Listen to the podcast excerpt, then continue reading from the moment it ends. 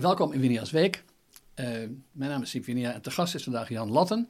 Jan Latten heeft heel lang uh, een leidinggevende rol gehad bij het Centraal Bureau voor, voor de Statistiek. Uh, op het vlak van de bevolking, mag je nog zo zeggen? Ja, ook sociologie zou je kunnen zeggen. Sociale demografie is eigenlijk. Maar formeel was het altijd demografie. Ja, en een deel van de tijd was je, met name de laatste 10, 15 jaar, schat ik? 15 jaar. Was je ook hoogleraar aan de Universiteit van Amsterdam? Ja. Ook demografie neem ik aan? Uh, ook weer sociale demografie met name. Ja, oké.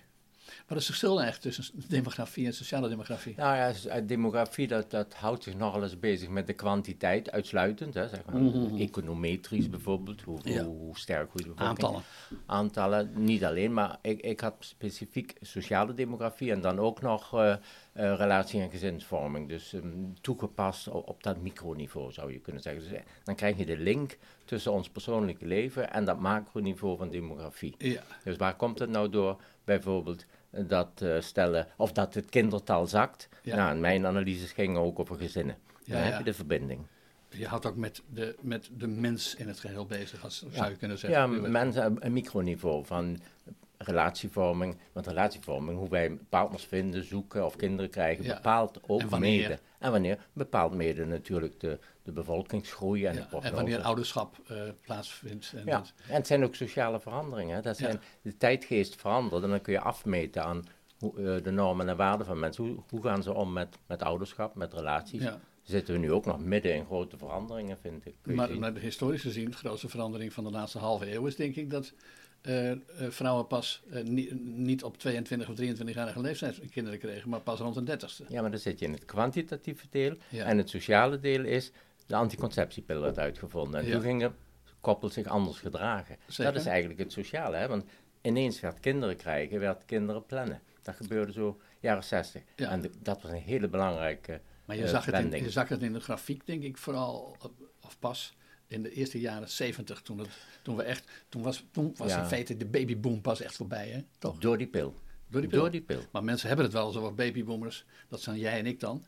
Eh, mensen die van voor 1955 en van na 1945 zijn. Als je het kwantitatief ziet in, in aantallen kinderen per en eh, op jaarbasis, dan Ja. zie je dat die grote kindertallen, dat liep door tot in de jaren 60 echt zo, Ja. 65, 66. En toen zakte het weg, want toen kwam inderdaad de pil. Ja. En dan had je natuurlijk de eerste eh, koppels die, waar die pil voor bedoeld was, die hadden al drie kinderen en dan kon je kind vier vermijden. Daar was hij voor bedoeld. Dat was het eerste effect.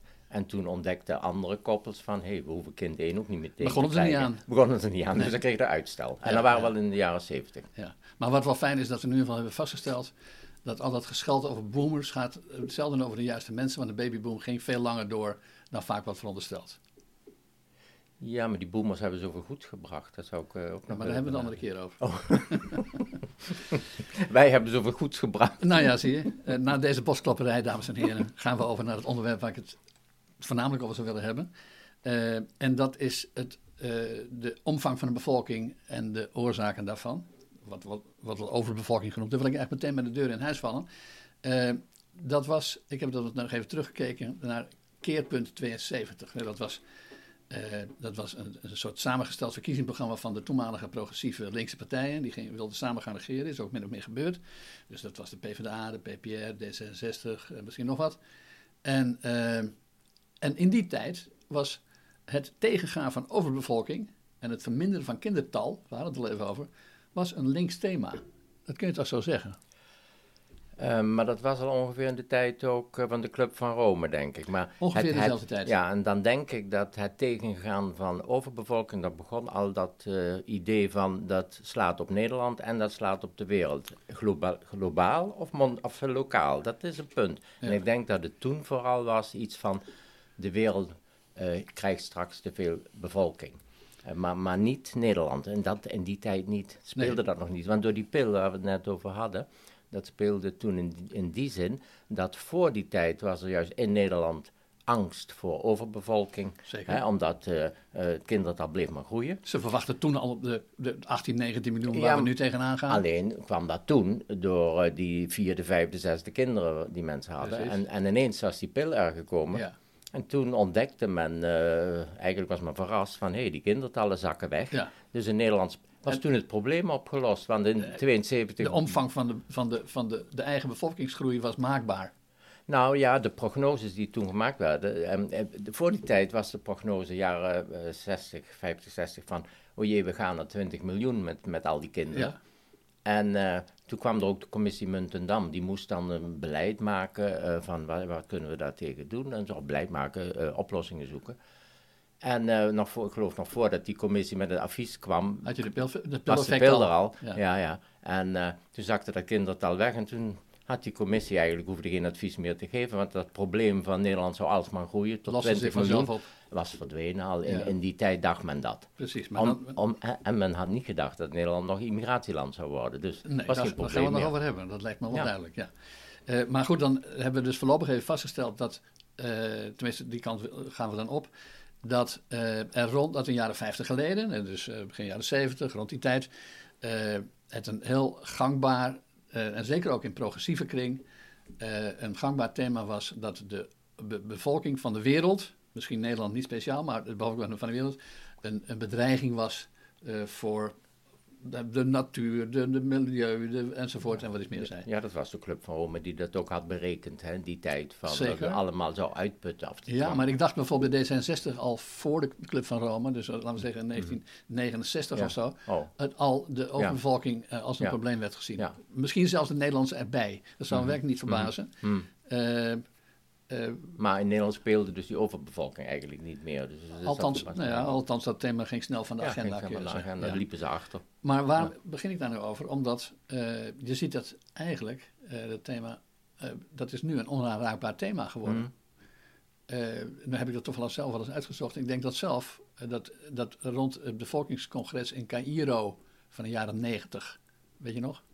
Nee, weet ik niet. Maar goed. Nou goed, ja. ik dacht in, in, uit mijn hoofd, de eerste helft van de jaren negentig, mm. heb je een, een wereldbevolkingscongres gehad. En toen was het echt uit de mode geraakt om als westerse landen iets te vinden van overbevolking, van de bevolkingsgroei. Mm. Uh, omdat dat als, uh, het, als eh, paternalistisch werd beschouwd, omdat dat als discriminatie werd beschouwd. En omdat de islam en de katholieke kerk de handen in één hadden geslagen om te zeggen: ja, maar uh, wij willen onze onze aanhang laten groeien. Wel laten groeien. Mm. Ja, maar dat, heb je, dat staat je niet zo scherp voor de geest misschien? Nee, het staat me niet zo scherp voor de geest. Maar ik heb nog gedacht, uh, wat, wat kan nou de oorzaak zijn dat toch weer die, die, die hang is uh, uh, naar datzelfde van bevolking, wereldbevolking en zo. Dat is natuurlijk toch ook, ook klimaat. Maar ik vind het andere punt dat het ook het onderscheid Nederland en wereld niet meer gemaakt wordt of mag worden. Dat is ook zoiets. Dat zou wel eens samen kunnen hangen, ik weet niet bewijs, maar ik denk het. zou wel eens samen kunnen hangen met het feit dat we nu een hele generatie ook hebben. Ehm, die eigenlijk is opgegroeid met de les uh, van uh, grenzen zijn eigenlijk niet meer functioneel in Europa. Hè. Grenzen moeten weg, die hebben geen functie. Want de nazistaat is echt voorbij. Dat is voorbij. En als je in, in die sfeer helemaal bent opgegroeid, hier in Europa, dan ga je, is de volgende stap natuurlijk dat je ook grenzen in de wereld overbodig vinden. En dat vind je terug in van die slogans, de wereld is van iedereen. Ja. Alsof we dat niet al wisten. Uh, en, en niemand is illegaal, dit, dit soort dingen. En dat komt toch voort uit het idee van grenzen hebben geen functie meer. En eigenlijk wordt dat ook wel ja, aangegeven door de EU. Een grens is overbodig. We hebben ze nog, maar ze zijn overbodig geworden. De, men is nog aan twijfelen, geloof ik. Ja, Zou je kunnen waarbij, waarbij aangetekend dat de, tegelijkertijd de nazistaat met zijn grenzen belangrijker is geworden dan hij ooit geweest is. Al was het maar omdat een steeds groter deel van, de, uh, van het geld naar de staat gaat, al was het maar om de eigen inwoners te onderhouden. En van voorzieningen te, te, te maar, voorzien. Ja, op die manier. Maar, maar dat is ook weer nodig omdat dat geld ook weer beheerd wordt door een, een, een groter geheel, de Zeker. EU. Maar het kan dus, je wordt misschien niet tegengehouden bij de grens. Maar je kunt wel tegengehouden worden uh, tot je toegang tot de verzorgingsstaat. Je BSN-nummer. Nou, je wordt is een nieuwe paspoort? Nou, of je wordt tegengehouden in ideeën over wat zijn uh, plichten, rechten binnen die grenzen. Nou ja. men, men, gaat er dan vanuit dat dat ook allemaal diffuus moet worden of hetzelfde moet worden. Ja. ja, je zou kunnen zeggen, we zitten in een soort overgangsfase naar iets anders. Wat het dan is, weet ik niet. Maar, maar dat maakt ook wel het, het gevoel. Ik, ik vind met name deze generatie in dit deel van de wereld. Mhm. Ik denk niet dat in andere delen van de wereld eh, jonge generaties dezelfde gevoelens Dat hebben. denk ik ook niet. Nee, die, die maar zoals het wel vaker voorkomt, dat, dat er een perceptiebotsing bestaat tussen wat elders wordt gevonden en hier. Denk Ja, ik. maar dat is eh, wel een heel essentieel iets wat Tuurlijk. volgens mij ook in, bij, eh, in onze wereld hier eh, ja, gebagatelliseerd wordt, ontkend wordt, en terwijl het realiteit is. Ja. Maar men denkt te veel in, zoals we de wereld hier ervaren, dat is ook hoe de mensen in andere delen van, van, van de aardbol de wereld ook ervaren. Maar dat is Ja. niet zo. Of, een kleine variant erop, eh, misschien zijn ze nog ver, maar binnenkort denken ze wel net zoals wij.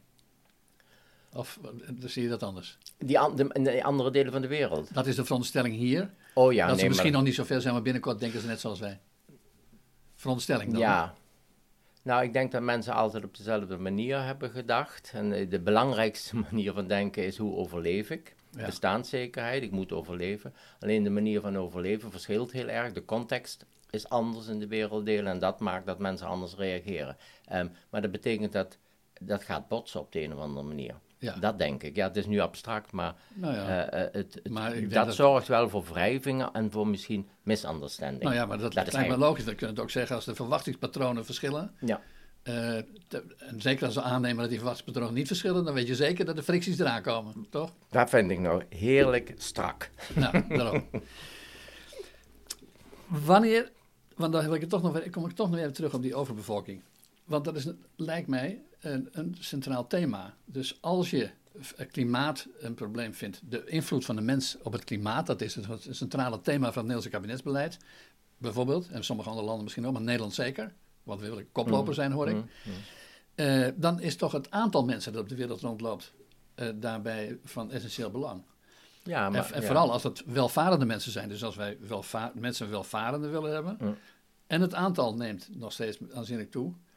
Dan zou dat toch reden van zorg moeten zijn als je de kli- klimaat onze zorg is. Als het klimaat onze Maar zorg dat, dat, dat is toch ook een punt, dat is wel een punt van zorg, eh, de aantallen mensen. En eh, de berichtgeving UN over eh, hoeveel miljard wordt het. men is als het ware, je, je leest het tussen de regels zo, hoe blij men is dat misschien ooit een einde aan de groei komt. Dat dat ergens bij 10 of 11 Ja. miljard zou zijn. Nee, het is wel een zorg. Ja. En het heeft natuurlijk ook te maken met de consumptie per persoon. En je, zou, je moet je ook eigenlijk afvragen, ik denk of we nou met 10 miljard of 6 miljard mensen op deze aarde lopen, zouden we met z'n allen meer uitvinders hebben? Zou, zou het allemaal, zouden we allemaal gelukkiger worden als er nog 4 miljard mensen bij zijn? Ik betwijfel het. Ja, Het, het geluksniveau, kwaliteit van leven, op een gegeven moment heb je niet meer mensen nodig om dat te bereiken. Hè? Dat denk ik toch. ja. Ehm, dus ik begrijp ook wel van, mm, we hoeven niet alsmaar te groeien. En dat vind ik wel ook wel weer een punt, eh, ook in Nederland, van ja, vraagt men zich überhaupt af, moeten we wel groeien? Economisch, bevolking, Nou, sterker nog, kwantita- dus- dus er kwantitatief zijn- is een serieuze en vrij dominante beweging, die ook op televisie zich uit en zo, die vindt dat we, dat we juist misschien wel terug moeten naar eh, een natuur van duizend jaar geleden, of eh, dat Ja. soort type Ja, dat zijn de andere uitersten natuurlijk, Ja. maar, maar het groeidenken op zich, daar kun je twijfel bij zetten, want misschien hebben we wel, wel voor Nederland een soort maximum bereikt, een optim, eh, optimum bereikt. Waar ligt dat optimum? Dat, en dat is natuurlijk een moeilijk een antwoord op te geven, maar aan Nederland het feit dat die vraag niet gesteld wordt binnen Nederland is vreemd. De Zeker. vraag wordt alleen maar gesteld op wereldniveau. Waarom wordt die vraag in Nederland niet gesteld? Ja, Da- Daar moet je al een aantal keren tegenaan zijn gelopen. Ja, daar, daar loop je voortdurend eh, tegenaan. Ehm, en daar kun je ook niet zomaar een antwoord op geven. Ik, kan alleen maar constateren dat het heel vreemd is. ehm, dat het eigenlijk mensen, eh, kwantiteit eh, kun je tellen. En, en we zijn een rationele samenleving. En als je weet van wat is consumptie per persoon en wat is opbrengst per persoon, dan kun je dat gewoon tellen. En dan kun je daar iets mee doen. Eh, maar men ziet dat heel erg als een inbreuk op privacy. Ik denk vooral in onze cultuur, waarbij zeg maar de ik-cultuur en het individu heeft alle rechten. Hoe haal je het in je hoofd om een individu iets eh, ehm, ja, eh, voor te leggen ehm, ehm, dat je misschien moet nadenken over ik wil vier kinderen, of ik wil drie kinderen, of ik wil geen kinderen. Dat, dat ziet men als vrijheid van het individu. Mhm.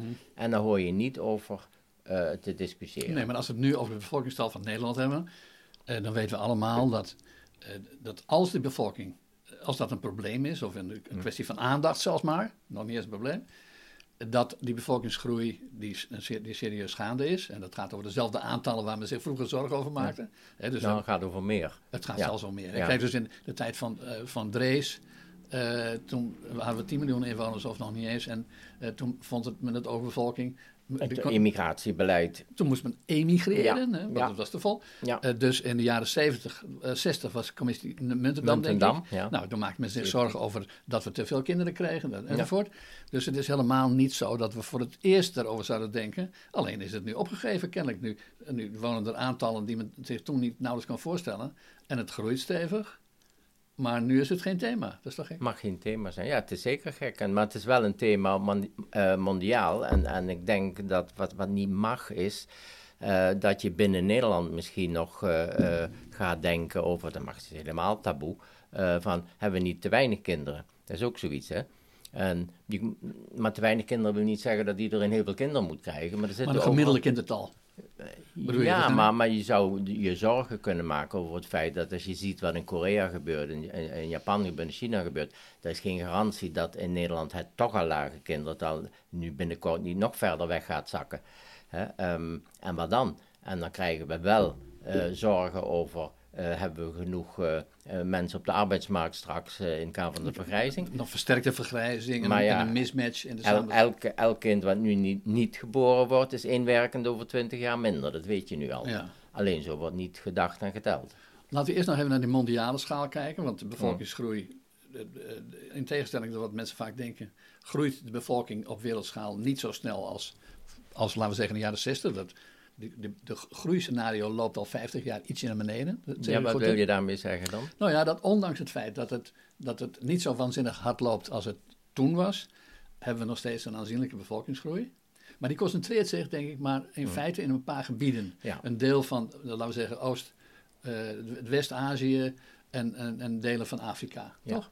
Ja, maar dit, dit verhaal is dus wat je in, eh, leest. Mm en dat heeft iets geruststellends. Ik stel het jou gerust, zodat het wat minder groei wordt, of niet? Uh, maar, nou, nee, nee. Ik, maar dat is het niet, hè? Nee, nee want wat, wat uh, kijk, dat het minder groeit en er komen 3, 4 miljard bij en misschien groeit het in het jaar 2100 niet meer, dat wordt dan geruststellend gebracht. Maar ik denk, ja, maar we leven niet in 2100, dan komen nog 2030, 2040, 2050. En wat gaat er gebeuren? Een enorme bevolkingsexplosie, met name Afrika, Sub-Sahara-Afrika, maar ook Azië. Uh, ene continent, dus een explosie van bevolking, en Europa een implosie, kun je rustig zeggen, op, op natuurlijke wijze. Um, dan krijg je dus een hele grote tegenstelling in fase van ontwikkeling. Ja. En als je het eenvoudig zegt, zijn communicerende vaten natuurlijk van daar wordt het te veel, hier wordt het te weinig. Ja, wat gaat er dan gebeuren? Dat kun je ongeveer raden. Wat er, maar dan heb je het over de grote lijnen. Maar is dat proces niet nu al gaande? In, in wezen, volgens mij, is dat proces al gaande. En dus dat, er een, dat, dat communicerende vat Afrika en ja, dat Europa. Maar, maar, ene vat vult het andere. Ja, maar, maar wat, wat niet gezien wordt, hè, dat is al gaande, maar men ziet het nu nog als een incident. Maar het publiek ziet niet dat dit een, eh, een, een, een het voorspel is van wat de komende decennia mogelijk kan gebeuren. Mhm. En dat is niet omdat, zeg maar, iemand dat nu echt wil, dat geloof ik niet. Maar als je denkt dat er enorme uh, bevolkingsgroei is. Eigenlijk is de babyboom die wij hadden, is nu in Afrika gaande. Mhm. En die blijft nog wel even. En dat is 30 jaar lang. Nou ja, dan weten we ook, ja, als je daar jong bent en je wil wat en je kunt er niks, dan zoek je de wereld op. Logisch. Ja, tenzij, zoals uh, zou je kunnen zeggen, het wordt hoog tijd dat ze in West-Afrika, want dat is de grootste bron van, van hoge geboorte, ja. overschotten, zou ik maar zeggen, daar ook de pil gaan ontdekken. Maar dat blijkt niet echt het geval, toch? Nee, blijkt, ja, blijkt niet echt het geval. Eh, eh, er werkt wel in, in zoverre iets uh, dat het gemiddeld kindertal wel terugloopt. Gemiddeld, althans als je naar de UN kijkt. Maar Mali is er nog steeds zo'n zes of zeven kinderen geloof ik. Ja, maar er zit, er zit, nog een addertje onder het gas in kwantitatieve zin. Um, ja, toen er nog acht kinderen per, per vrouw werden geboren, uh, was ook de kindersterfte hoger. Ja, ja. En nu worden er zes kinderen per vrouw geboren, maar de kind, kindersterfte is weg. Dus zijn we allemaal leven. In bijna. absolute zin verandert er niet veel in, in de aantallen. Uh, dus die, die die gaat uh, gewoon stug door in aantallen. En waarom uh, gaan ze daar niet... Kijk, je gaat net al aan wat voor getallen we hier zeker op platteland nog hadden in de hmm. jaren 50 en hmm. zo. Vijf, zes kinderen was helemaal niet vreemd. Nee, nee, nee. zeg ik, kom zelf Omdat er geen AOW-voorziening was en, en dat soort Nee. dingen. Maar ook, god, dus nee, maar ook de voorzieningen. De kinderen waren er om de ouders te helpen. Ja, de sociale voorzieningen waren er niet en de gezondheidszorg en de pul was er Ja, nog niet. Dus, ja, en nu is de gezondheidszorg, in in delen van Afrika ook slecht, maar men heeft eh, programma's om dat kindertal iets terug te brengen. In sommige delen zal dat werken, ook waar de opleiding iets, eh, van die vrouwen iets beter is. Maar het grote plaatje is toch van, het, het is nog steeds 5 tot 6 en de kindersterfte is minder, dus de totaliteit groei blijft. Ja, ik heb, eh, dat is een, een, particuliere hobby van mij hoor, eh, wat ik nu ga zeggen. Hm. Eh, maar misschien moet dat meer worden dan een particuliere hobby van mij. Ik heb wel eens de, de stelling geopperd dat op plekken waar culturen, religies in het bijzonder, een strijd met elkaar leveren, heb je de demografische oorlogsvoering tussen die religies. In Nederland heb je natuurlijk kunnen zien eh, tussen de gereformeerden en de katholieken, zal ik Ja, maar zeggen. ja. Eh, dus twee, emancipa- twee eh, bewegingen die emancipeerden en, en, en tegen elkaar op kinderen gingen maken. Dat gold met name voor de katholieken, maar in zekere mate ook voor de, voor de gereformeerden. En die hadden dus geweldige kinder, hoge geboortecijfers. Is dat ook een, of zijn een deel van de verklaring waarom in, precies in delen van Afrika, waar het christendom en de islam rivaliseren, eh, die, die cijfers zo hoog zijn? Ik weet niet of het eh, eh, bewust gebeurt, maar het zou kunnen. Ik denk, dat het heeft ook te maken met, met juist het feit dat het weinig geseculariseerd is en dat men weinig is opgeleid. Want In Nederland zie je dat de, de verandering is ook gekomen met... Ontkerkeling.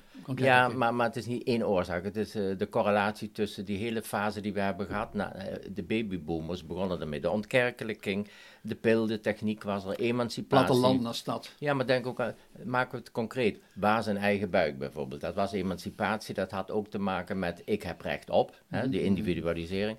En dat zijn allemaal, dat zijn allemaal dingen die, die in Afrika, naar mijn mening, nog eh, te weinig tot bloei kunnen komen. Als dat wel zo zou zijn, dan zou je ook zien dat eh, samen met meer opleiding misschien minder leven volgens eh, het idee dat je kinderen moet krijgen zoveel als, als gegeven. hè. Ja, wat vaak nog een soort macho-idee ook, ook wel misschien. Ja, maar misschien ook wel. eh, kijk, dat, ook nog steeds eh, eh, in die arme landen zal het zo zijn dat die kinderen ook moeten helpen. Dus die moeten ook de kost verdienen als ze 10, Ja, 12 jaar maar zijn. in Dus steden zijn kinderen juist vaak een kostenpost. daar wordt, maar in steden, andere bevolking, iets hoger Dus opgeleid. urbanisatie leidt meestal als onderdeel van die processen die je schetst eh, tot lagere kindertal. Nou, urbanisatie, als, een, als men ook on- onderwijs volgt en dat Ja. soort zaken. En als er een, een, een voorzieningen zijn, sociale voorzieningen, als, als die, die eh, nou ja, de kwaliteit van leven voor iedereen min of meer door een overheid gegarandeerd is, dan heb je niet altijd een hele Hoef je geen kinderen te maken om dat te hebben. Nee, heb je niet nodig, want dan wordt het ballast, dan worden kinderen duur. Een kostenpost. Een kostenpost. En, en nu is het in die landen nog een opbrengst.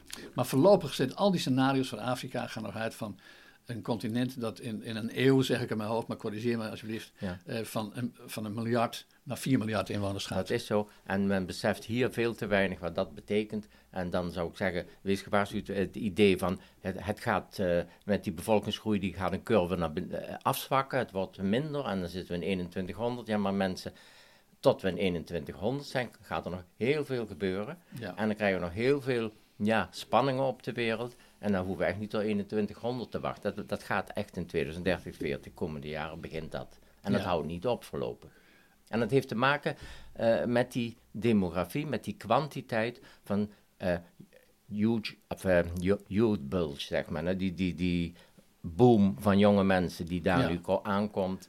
Ja, en, en die moeten iets, die willen iets, die willen ook iets van hun leven maken. Maar als dat niet lukt, dan is migreren de oplossing. Ja. Er zijn ook van die onderzoeken hè, in eh, Afrika, van, dat ze onderzoeken hoeveel mensen willen eventueel naar Europa Ja, migreren. tientallen procenten en zo, hè, Ja, nou ja, of, oftewel tientallen miljoenen. Ik bedoel, Ja. di- het is natuurlijk Nou ja, enorm. tientallen miljoenen zijn nog om honderden miljoenen gaan ja, zelfs. ja, Maar zelfs als maar 1% van die mensen die het van 3 overwegen, miljard. eh, dan, dan ja, vinden we dat al eh, een tsunami, denk ik. Zal maar zeggen. Al is Nou, dat ja. verkeerd woord in dit geval.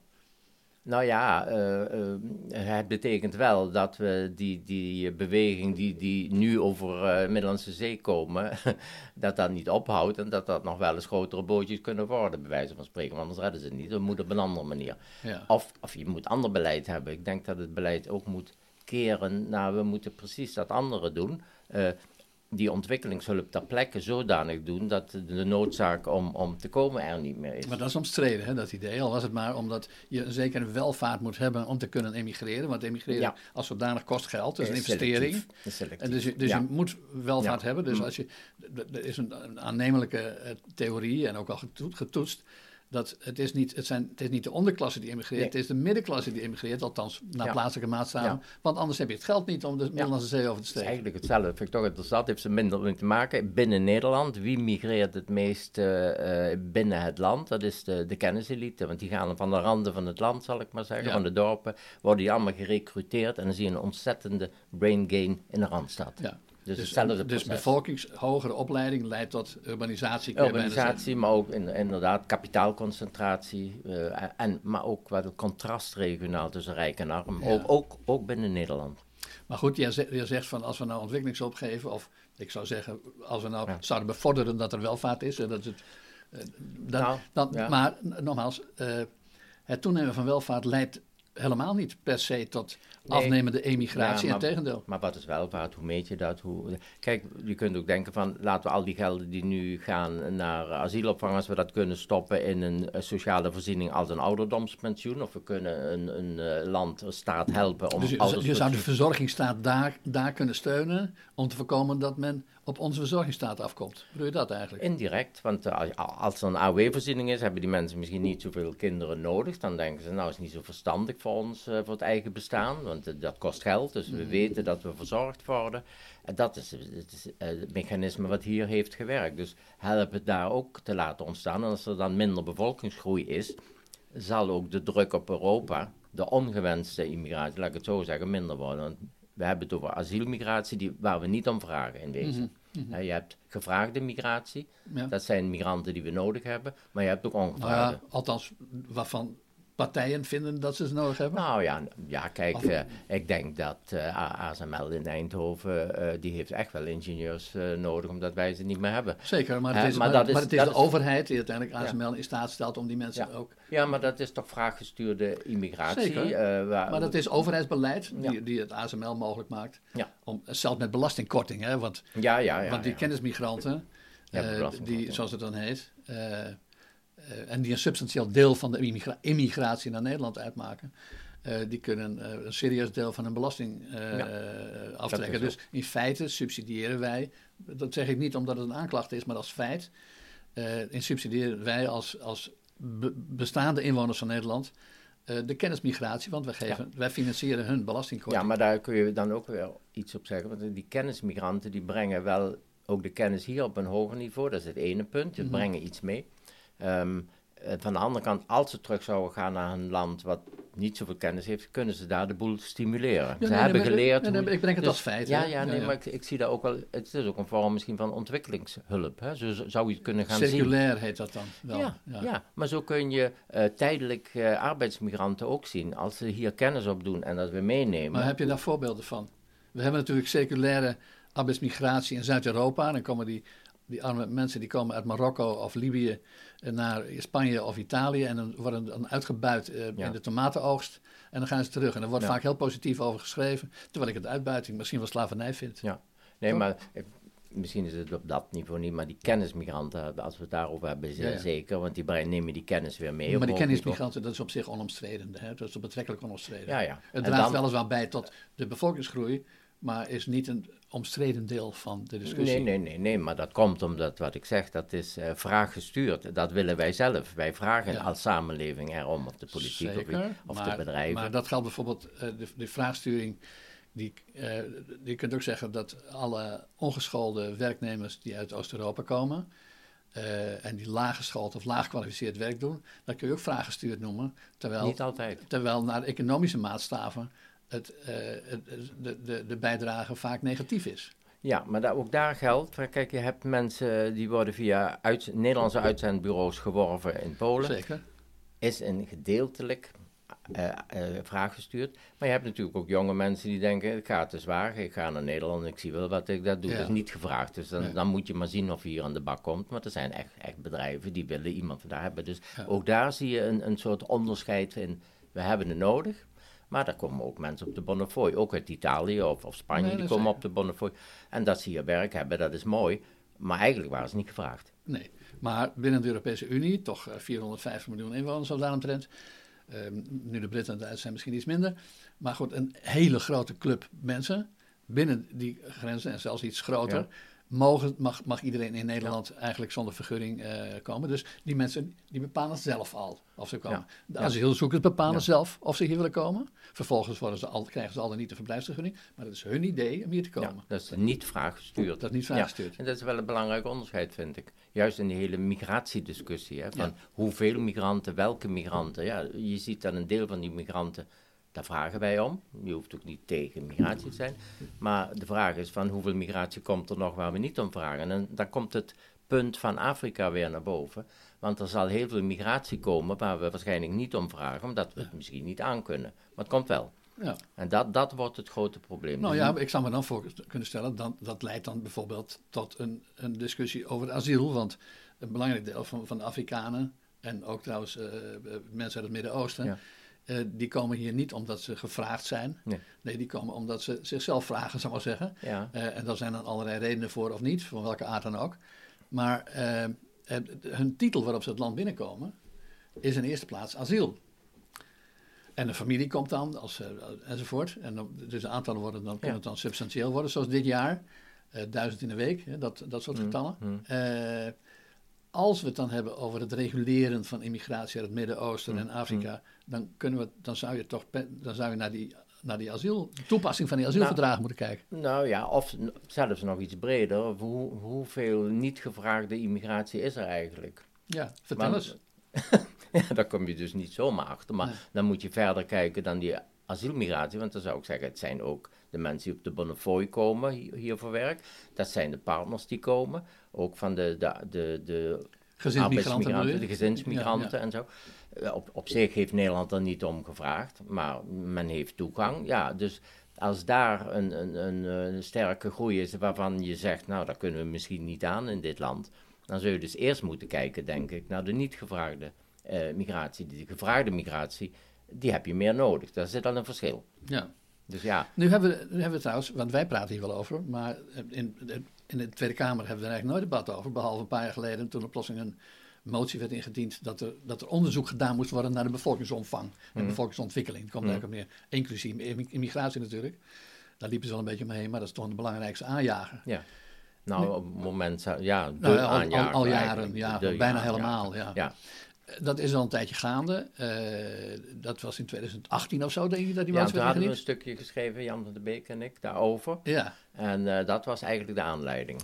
Precies, en je had nog wat meer discussie. Maar goed, dan werd die motie Dijkhoff, zoals het heet, die werd Ja. ingediend.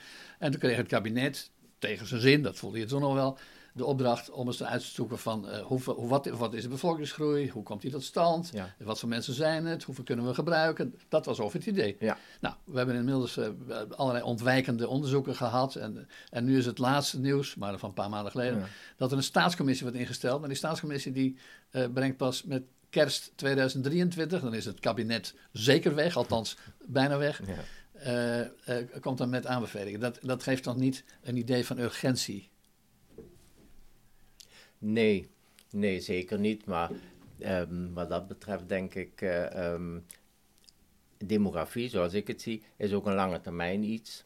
En ehm, dat vind ik nog het minste, die urgentie. Ik bedoel, je praat misschien over iets van hoe ziet Nederland er over 20, 25 jaar Ik moet uit. je even interrumperen, want Ja. je ziet dat alle grote problemen van dit moment, wat het politiek als groot probleem ziet, dus het klimaat, Ja. eh, de, het natuurbeleid, inclusief de stikstof. En zo zijn er nog Ja, woning- woningen. woningen Ja, ja. Er zijn dus drie, vier grote thema's die allemaal namelijk aan verbonden zijn en die allemaal direct gerelateerd zijn aan de bevolkings... ja, ja, je hebt gelijk, maar goed, dat is mijn, eh, hoe, heet, hoe heet dat, eh, professie. je bent dan helemaal in zo'n tunnelvisie van Ja, dat- lange termijn. dat trek ik je was uit. ik was betrokken bij prognoses en dan praat Ja. je over tijden waarin ik niet meer leef, bij wijze van Mm. spreken. Hè. Kom ik dan tot mijn schrik tot de ontdekking.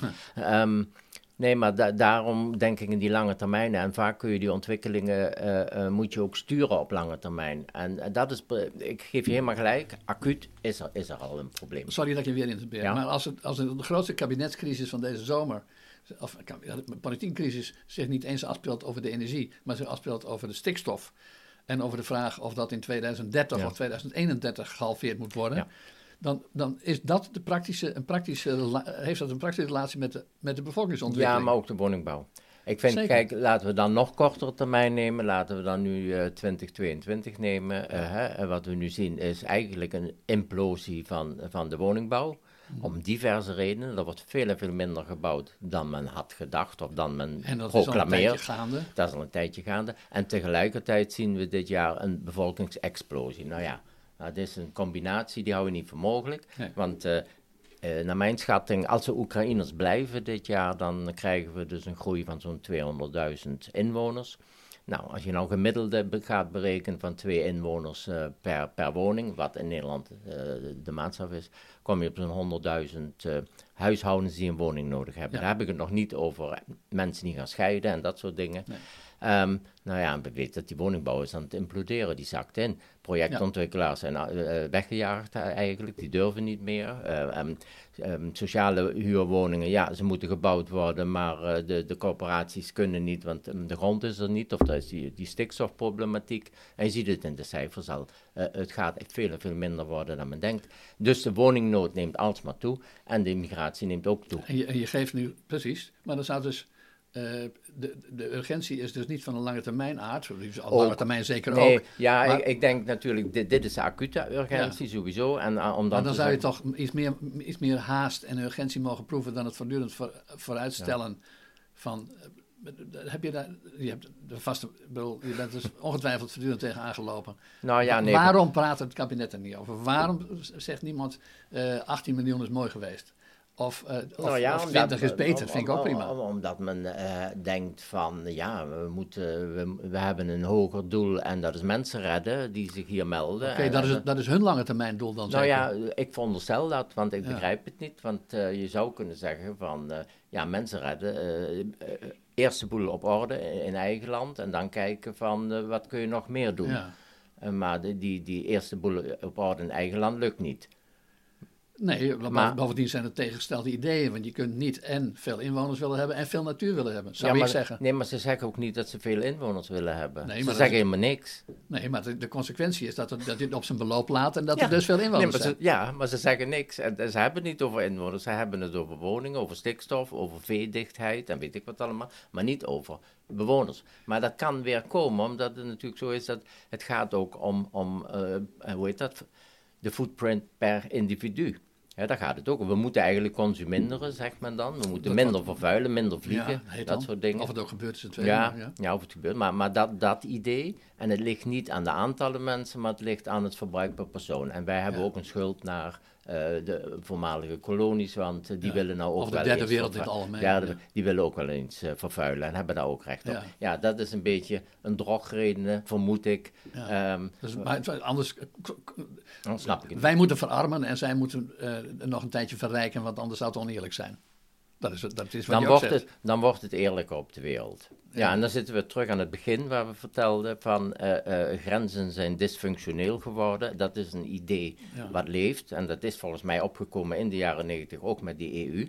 We moeten geen grenzen hebben, dat Ja. hindert mensen. Ja. Ehm, en tegelijkertijd eh, zorgt dat ervoor dat je ook op globaal niveau, sommige mensen denken dat die grenzen op globaal niveau dysfunctioneel zijn, maar voor die mensen die aan die andere kant wonen zijn die grenzen helemaal niet dysfunctioneel, want die sluiten het gewoon af. ja, precies. Ik bedoel, En er wordt trouwens over de hele wereld gewoon domweg gevochten op grenzen. Hè?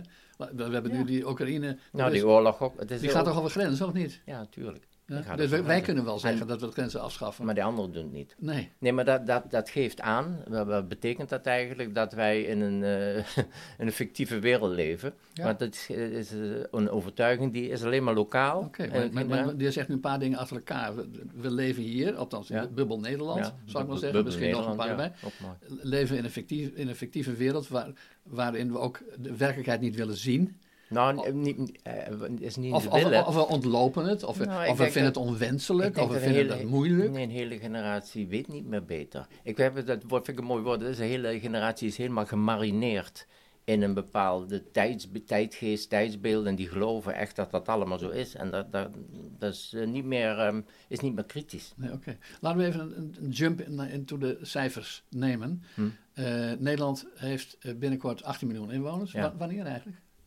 Nou, met, met, uh, met de groei nu, Oekraïners, ja. even veronderstellen dat Oekraïners uh, grotendeels blijven. Ja. En het tempo van nu zitten we over drie jaar aan 18 miljoen.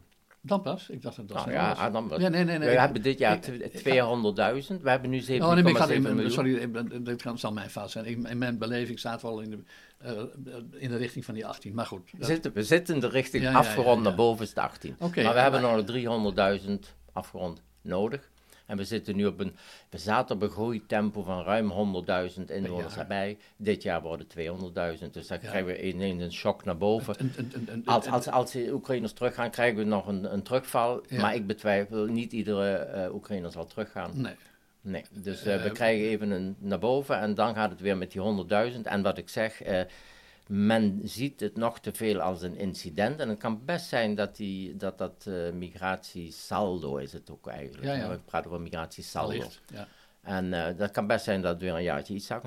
Maar, maar Zoals denk, ook in coronatijd even ja, zakte. maar op de, je moet een lange je, termijn je weer, En dan krijg je weer een, een nieuw conflict. Een, een, een, Turkse migratiecrisis, zeg maar, van 2015, 16. Ja, maar, maar op de langere termijn, middellange termijn, 10 jaar, 20 jaar, uh, uh, kan ik, durf ik een briefje te geven, verzekering te geven. We krijgen nieuwe asielgolven, migratiegolven. Ja. Dat komt er allemaal aan. En het is nu steeds een saldo van 100.000 gemiddeld of iets meer. Ja. Maar dat blijft zo de komende tien jaar, denk je?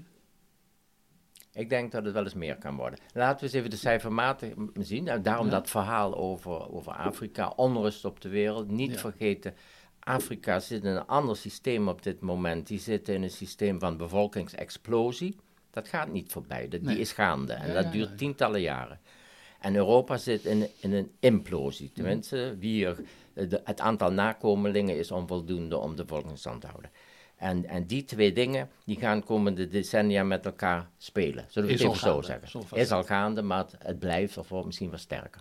Ja. Uh, en nou ben ik van de, uh, mijn uh, apropos Nou, af. we hadden het over die 18 miljoen. En, oh, ja. en, en ik vroeg, of, of de groei van de afgelopen jaren, hè, dus het, die, het saldo, in de buurt van de 100.000 of iets meer, dat, of we dat konden verwachten voor de komende tien jaar op langer. Nou, laten we dan naar de, de, de cijfers gaan, waar, waar overheden zich op baseren, of CBS en prognoses. En, en dat is toch wel interessant dat uh, zo'n prognose, die dus uh, gezien wordt als meest waarschijnlijke, die gaat ervan uit dat het migratiesaldo op den duur richting 2050 teruggaat, dat het nu uitzonderlijk hoog is en dat het langzaam teruggaat naar zo'n 50.000. En als dat gebeurt, dan komt men met berekeningen uit op iets van die 21 miljoen. We hebben jarenlang meer dan 100.000. We hebben nu 200.000 waar men niet op rekent. En ik denk dat het vaker gaat gebeuren. Dus terugvallen naar 50.000 als er niks gebeurt, spontaan, krijgen we ongevraagde migratie. Dat, dat gaat niet lukken. Dan wordt het 100.000 en meer. En bij 100.000 migratiesaldo van jaar op jaar komen we al snel uit op 21 à 22 miljoen. In, in 2050. In 2050. En Precies. still going strong zou ik zeggen. Ja, oké. maar Groei niet ten einde. Maar dat, dan, uh, niet dat wat erna gebeurt niet belangrijk is, maar wat er over tien jaar gebeurt vind ik nog belangrijker. Uh, van die 18, dan, nou, als ik jou snel hm, volg, hm, hm. dan hebben we dus binnen een paar jaar 18. Ja.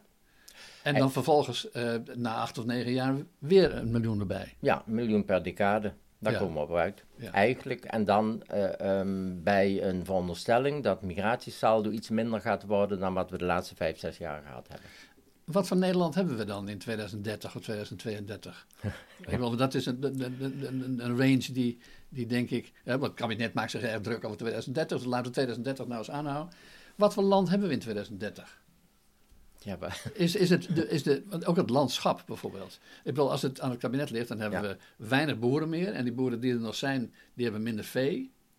Uh, als we kijken naar Rob Jetten, die zegt uh, Nederland moet Berlijn aan de Rijn worden met overal draaiende windmolens en bouwkranen. Maar dat is een idee van een stadstaat. Is dat wat we nu krijgen? Nou, stadstaat uh, wat, wat concreter met uh, waar, waar, laat je al die mensen als ze komen. Het zijn niet alleen uh, woningen, het, ze hebben ook sportvelden, fabrieken nodig en wegen en noem maar En als er welvaart is, wil iedere, iedere inwoner meer ruimte, kun je zeggen? Ja. Voor zichzelf. Ja, ja, ja, maar dus de, de, de vraag naar ruimte en drukte wordt groter. Maar als je het wat algemener zegt, we worden natuurlijk urbaner, verstedelijken meer. Ik bedoel, je ziet die signalen nu ook al in, in, de, in de hoogbouw die toeneemt. Het moet gestapeld, want Den Haag is helemaal zo'n voorbeeld. Die, hebben die gemeente Den Haag heeft geen ruimte, dus die moet de lucht in. Die heeft allemaal gemeenten, om- eh, wat het, eh, bebouwde gemeenten om zich heen, eh, kun je zeggen. Ja, ja of, of Amsterdam, waar dan een strijd ontstaan tussen woningbouw in, in het havengebied of, of industrie of ha- havenwerkzaamheden. hè. Dan krijg je ook een concurrentie. Dus, Ja. maar En bouwen in de vogelpolders.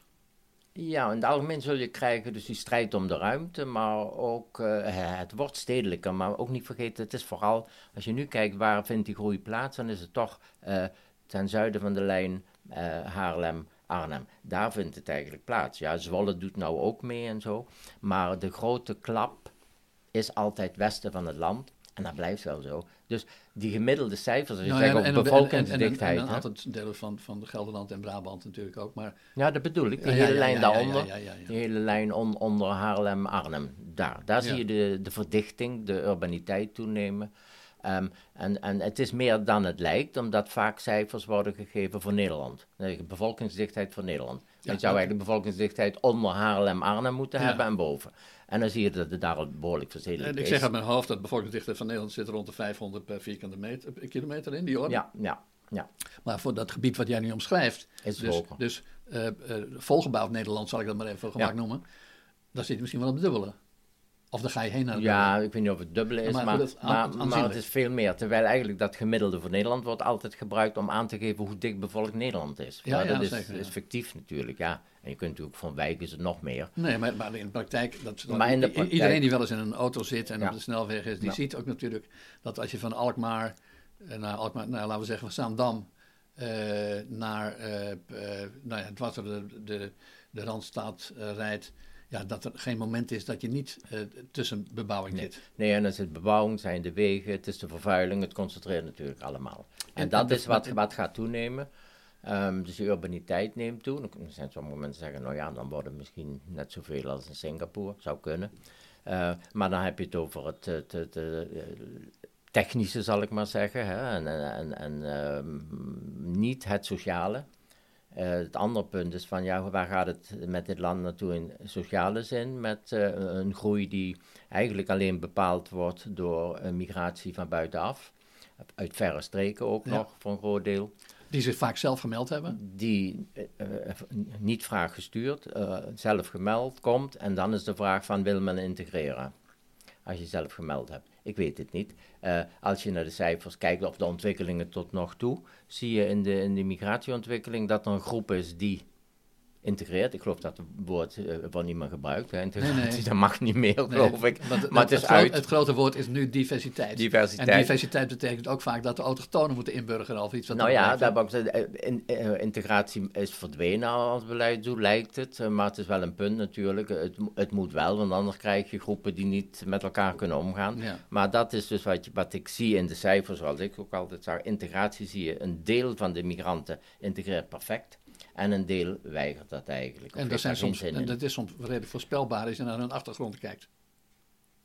Ehm, nou ja, dat het niet integreren is een, een cultuurgroep. Die komen, ja, er is een studie van het World, World Value Studies, heet dat. En die doen dan onderzoek naar waar eh, op de wereld de, de normen, opvattingen ehm, het meest contrasteren. En er komt toch vreemd genoeg uit eh, dat de grote, grootste contrasten met Nederland zitten in landen, eh, toch Afghanistan, maar ook Marokko en Turkije. En er zijn er net ook landen die zich hier melden. Ja. En daar zit een bevolking, dan kun je zeggen de bevolking die weggaat is precies de andere bevolking, maar voor een deel niet, voor een deel wel. En dat maakt dat je hier ziet eh, een groep wel integreert, ander niet. Jan, ik, eh, eh, ik denk dat we nog twee, drie uitzendingen nodig hebben. Twee opnames, videogesprekken nodig hebben. Die gaan we, als mij, mij betreft, eh, ook maken. En een Eh, keer over de microniveau dan. Daar gaan we het zeker ook over hebben. Maar, en, maar dat vaststaat dat de, de bevolkingsontwikkeling totaal dominant is in het soort Nederland eh, dat zich aan het ontwikkelen is. dat staat wel vast. En omdat niet iedereen het erover heeft, hebben wij het erover. Oh, dat is mooi gezegd. Ja, dankjewel. U luisterde en keek naar een aflevering van Winias Week. Dit was Jan Latten, sociaal-demograaf en, eh, en kenner van eh, wat we net al hebben gehoord. Eh, alles wat we gaan meemaken en misschien niet willen meemaken. Ik dank u wel.